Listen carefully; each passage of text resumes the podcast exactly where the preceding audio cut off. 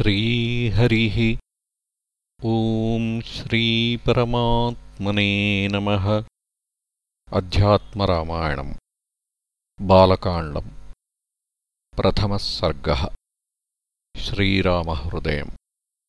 यः पृथ्वीभरवारणाय दिविजैः सम्प्रार्थितश्चिन्मयः सञ्जातः पृथिवीतले रविकुले व्ययः निश्चक्रं हतराक्षसः पुनरगा ब्रह्मत्वमाद्यं स्थिराम् कीर्तिम् पापहरां विधाय जगताम् तं जानकीशम् भजे विश्वोद्भवस्थितिलयादिषु हेतुमेकम् मायाश्रयम् विगतमायमचिन्त्यमूर्तिम्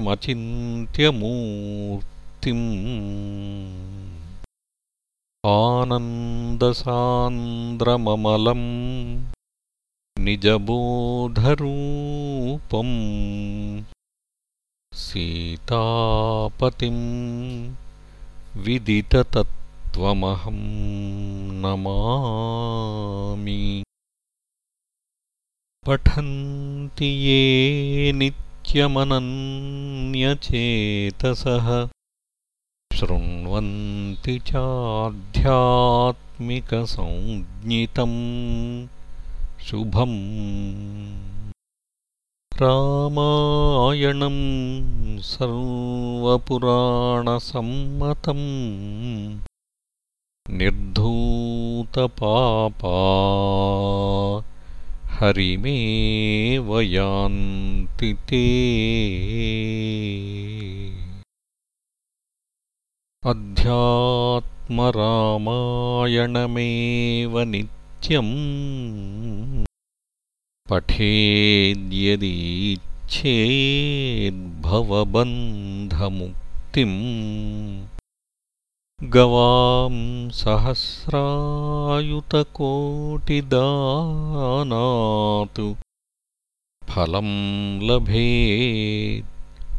यः शृणुयात् स नित्यम् पुरारिगिरिसम्भूता श्रीरामार्णवसङ्गता अध्यात्मरामगङ्गेयम्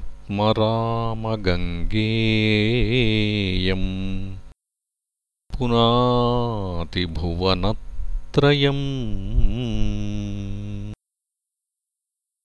कैलासाग्रे कदाचिद्रविशतविमले मन्दिरे रत्नपीठे संविष्टं ध्याननिष्ठं त्रिनयनमभयं सेवितं सिद्धसङ्घैः देवी वामाङ्गसंस्था गिरिवरतनया पार्वती भक्ति नम्रा प्राहेदम् देवमीशम् सकलमलहरं वाक्यमानन्दकन्दम् पार्वत्युवाच नमोऽस्तु ते देवजगन्निवास सर्वात्मदृक्त्वं परमेश्वरोऽसि पृच्छामि तत्त्वं पुरुषोत्तमस्य सनातनं त्वं च सनातनोऽसि गोप्यं यदत्यन्तमनन्यवाक् सत्यम् वदन्ति भक्तेषु महानुभावाः तदप्यहोहं तव प्रियोसिमेत्वं प्रियोऽसि मे त्वं वदयत्तु पृष्ठम् ज्ञानं स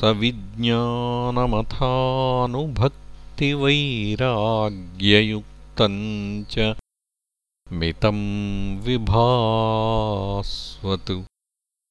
जानाम्यहं योषिदपि त्वदुक्तम् यथा तथा ब्रूहि तरन्ति पृच्छामि चान्यच्च परं रहस्यम् तदेव चाग्रे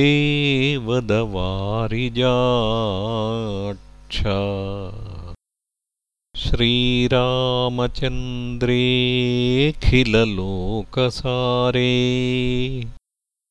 भक्तिर्दृढानौर्भवति प्रसिद्धा भक्तिः प्रसिद्धा भवमोक्षणाय नान्यत्ततः साधनमस्ति किञ्चित् तथापि हृत्संशयबन्धनं मे विभेत्तुमर्हः यमलोक्तिभिस्त्वम्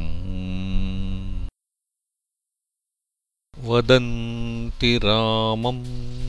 परमेकमाद्यम् निरस्तमायागुणसंप्रवाहम् भजन्ति चाहर्निशमप्रमत्ताः परं पदं यान्ति तथैव सिद्धाः वदन्ति केचित् रामः स्वाविद्यया संवृतमात्मसंज्ञम् जानातिनात्मानमतः परेण सम्बोधितो वेदपरात्मतत्त्वम् यदि जानाति कुतो विलापः सीताकृतेनेन कृतः परेण जानाति नैवं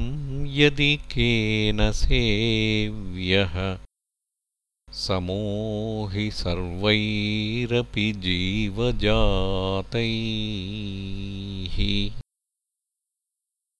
अत्रोत्तरं किं विदितं भवद्भिः तद्ब्रूतमे संशयभेदिवाक्यम्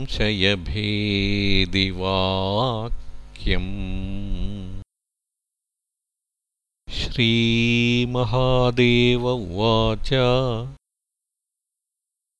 धन्यासि भक्तासि परात्मनस्त्वम् यज्ज्ञातुमिच्छा तव रामतत् पुरा न केनाप्यभिचोदितोऽहम् रहस्यम् परमं निगूढम् त्वयाद्यभक्त्या परिनोदितोऽहम् वक्ष्ये नमस्कृत्य रघूत्तमं ते रामः परात्मा प्रकृतेरनादिः आनन्द एकः पुरुषोत्तमो हि स्वमायया कृत् त्स्नमिदं हि सृष्ट्वा नभो वदन्तर्बहिरास्थितो यः सर्वान्तरस्थोऽपि निगूढ आत्मा स्वमायया सृष्टमिदं विचष्टे जगन्ति नित्यं परितो भ्रमन्ति यत्सन्निधौ चुम्बकलोहवद्धि एतन्न जानन्ति विमूढचित्ताः स्वाविद्यया संवृतमानसा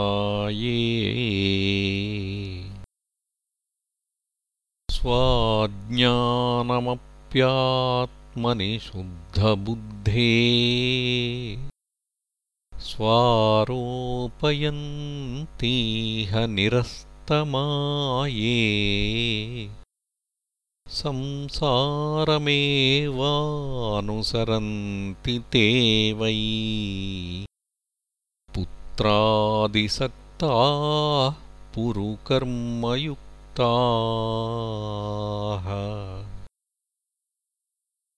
जानन्ति नैवं हृदये स्थितं वै चामीकरं कण्ठगतं यथा यथा प्रकाशो न तु विद्यते रवौ ज्योतिस्वभावे परमेश्वरे तथा विशुद्धविज्ञानघने रघूत्तमे विद्या कथं स्यात् परतः परात्मनि यथा हि चाक्ष्णा भ्रमता गृहादिकम् विनष्टदृष्टेर्भ्रमतीव दृश्यते तथैव देहेन्द्रियकर्तुरात्मनः कृतं परेध्यस्य जनो विमुह्यति नाहो न रात्रिः सवितुर्यथा भवेत् प्रकाशरूपाव्यभिचारतः क्वचित् ज्ञानं तथा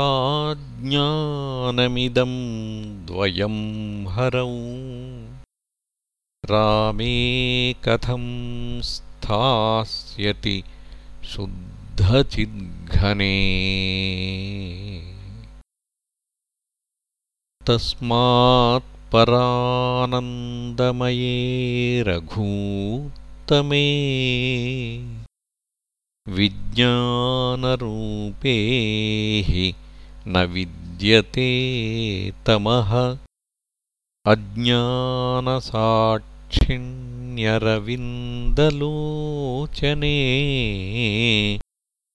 मायाश्रयत्वान्न हि मोहकारणम् ते कथयिष्यामि रहस्यमपि दुर्लभम् सीता राममरुत्सूनु संवादम् मोक्षसाधनम् पुरा रामायणे रामो रावणं देवकण्टकम् हत्वा रणे रणश्लाघी सपुत्रबलवाहनम्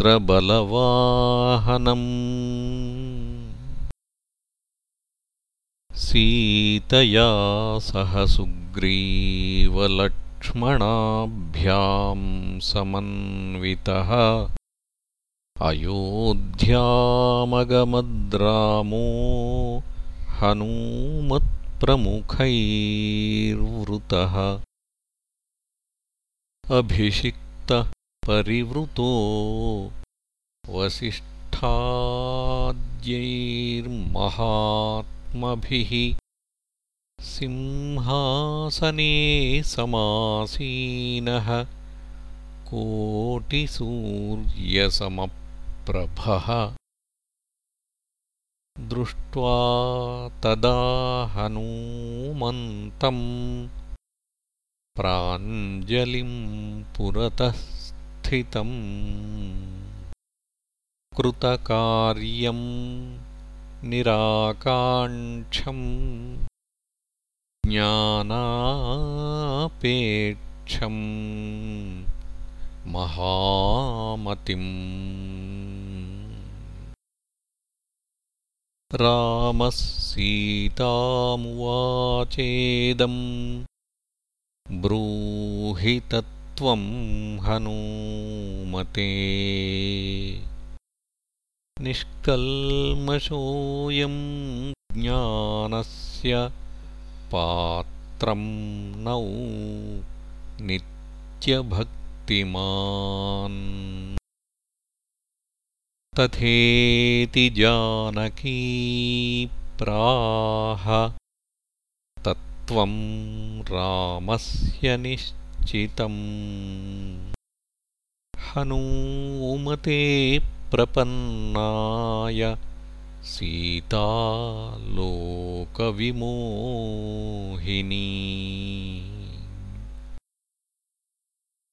रामं विद्धि परं ब्रह्म सच्चिदानन्दमद्वयम्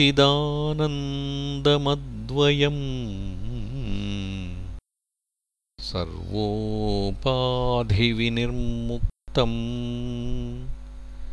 सत्तामात्रमगोचरम्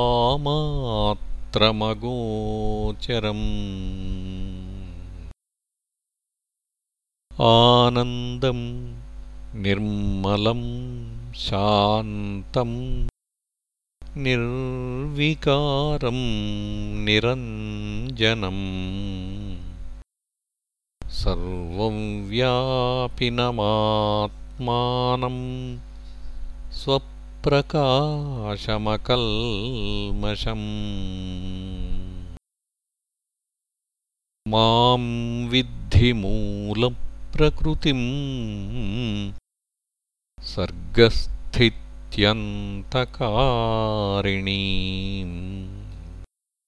तस्य सन्निधिमात्रेण सृजामीदमतन्द्रिता तत्सान्निध्यान्मया सृष्टम् तस्मिन्नारोप्यते बुधैः अयोध्यानगरे जन्म रघुवंशेति निर्मले विश्वामित्रसहायत्वं मखसंरक्षणं ततः अहल्याशापशमनम् चापभङ्गो महेशितुः मत्पाणिग्रहणम् पश्चाद् भार्गवस्य मदक्षयः वासो मया द्वादशवार्षिकः दण्डकारण्यगमनं एव च च माया मायासीताहृतिस्तथा जटायुषो मोक्षलाभः कबन्धस्य तथैव च शबर्याः पूजनं पश्चात् समागमः वालिनश्च वधः पश्चात् सीतान्वेषणमेव च सेतुबन्धश्च जलधौ लङ्कायाश्च निरोधनम् रावणस्य वधो युद्धे सपुत्रस्य दुरात्मनः विभीषणे राज्यदानम् पुष्पकेण मया सह अयोध्यागमनं पश्चात् राज्ये रामाभिषेचनम् एवमादीनि कर्माणि मयैवाचरितान्यपि आरोपयन्ति रामेस्मिन् निर्विकारेऽखिलात्मनि रामो न गच्छति न तिष्ठति नानुषोचत्याकाङ्क्षते त्यजति नो न करोति किञ्चित् आनन्दमूर्तिरचलः परिणामहीनो मायागुणाननुगतो हि तथा विभाति ततो रामः स्वयम् प्राह हनूमन्तमुपस्थितम् शृणु तत्त्वं प्रवक्ष्यामि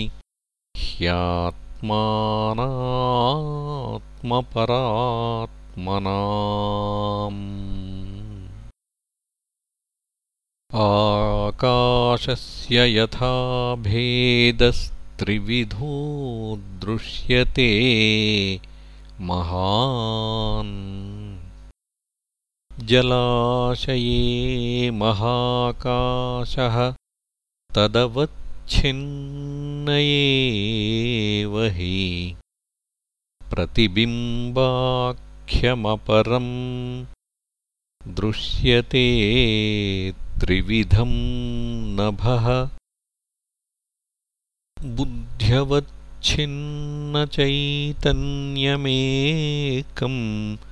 पूर्णमथा परम् आभासस्त्वपरम् बिम्बभूतमेवम् त्रिधा चितिः साभासबुद्धेः कर्तृत्वम् विकारिणि साक्षिण्यारोप्यते भ्रान्त्या जीवत्वं च तथा बुधैः आभासस्तु मृषा बुद्धिः अविद्याकार्यमुच्यते अविच्छिन्नन्तु तद्ब्रह्म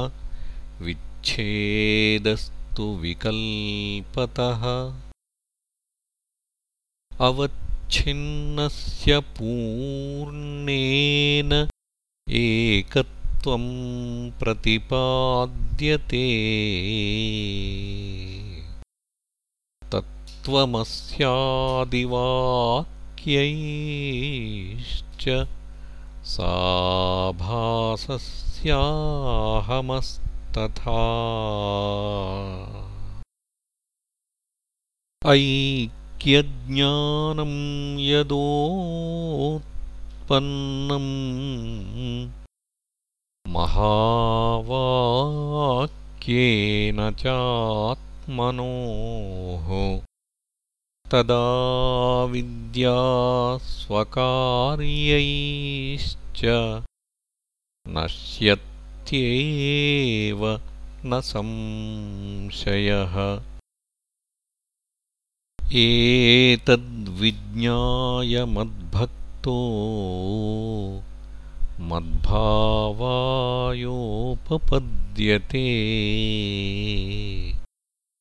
मद्भक्तिविमुखानां हि शास्त्रगर्तेषु मुह्यताम् न ज्ञानम् न च मोक्षः स्यात् तेषां जन्मशतैरपि इदं रहस्यं हृदयं ममात्मनो मयैव कथितं तवानघ मद्भक्तिहीनाय शठाय न त्वया दातव्यमैन्द्रादपि राज्यतोऽधिकम् श्रीमहादेव उवाच एतत्तेभिहितं देवि श्रीरामहृदयम् मया अतिगुह्यतमं हृद्यं पवित्रं पापशोधनम् साक्षाद्रामेण कथितं सर्ववेदान्तसङ्ग्रहम् यः पठेत् सततं भक् भक्त्या समुक्तो नात्र संशयः ब्रह्महत्यादिपापानि बहुजन्मार्जितान्यपि नश्यन्त्येव न सन्देहो रामस्य वचनं यथा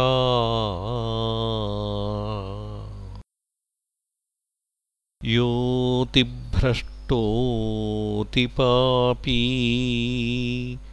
परधनपरदारेषु नित्योद्यतो वा स्तेयी ब्रह्मघ्नमाता पितृवधनिरतो योगिवृन्दापकारी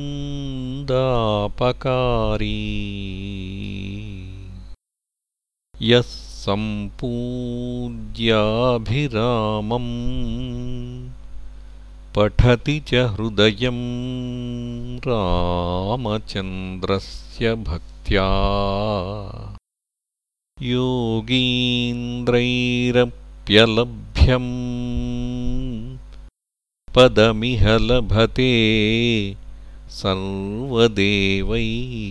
सपूज्यम् इति श्रीमदध्यात्मरामायणान्तर्गत उमामहेश्वरसंवादे बालकाण्डः प्रथमः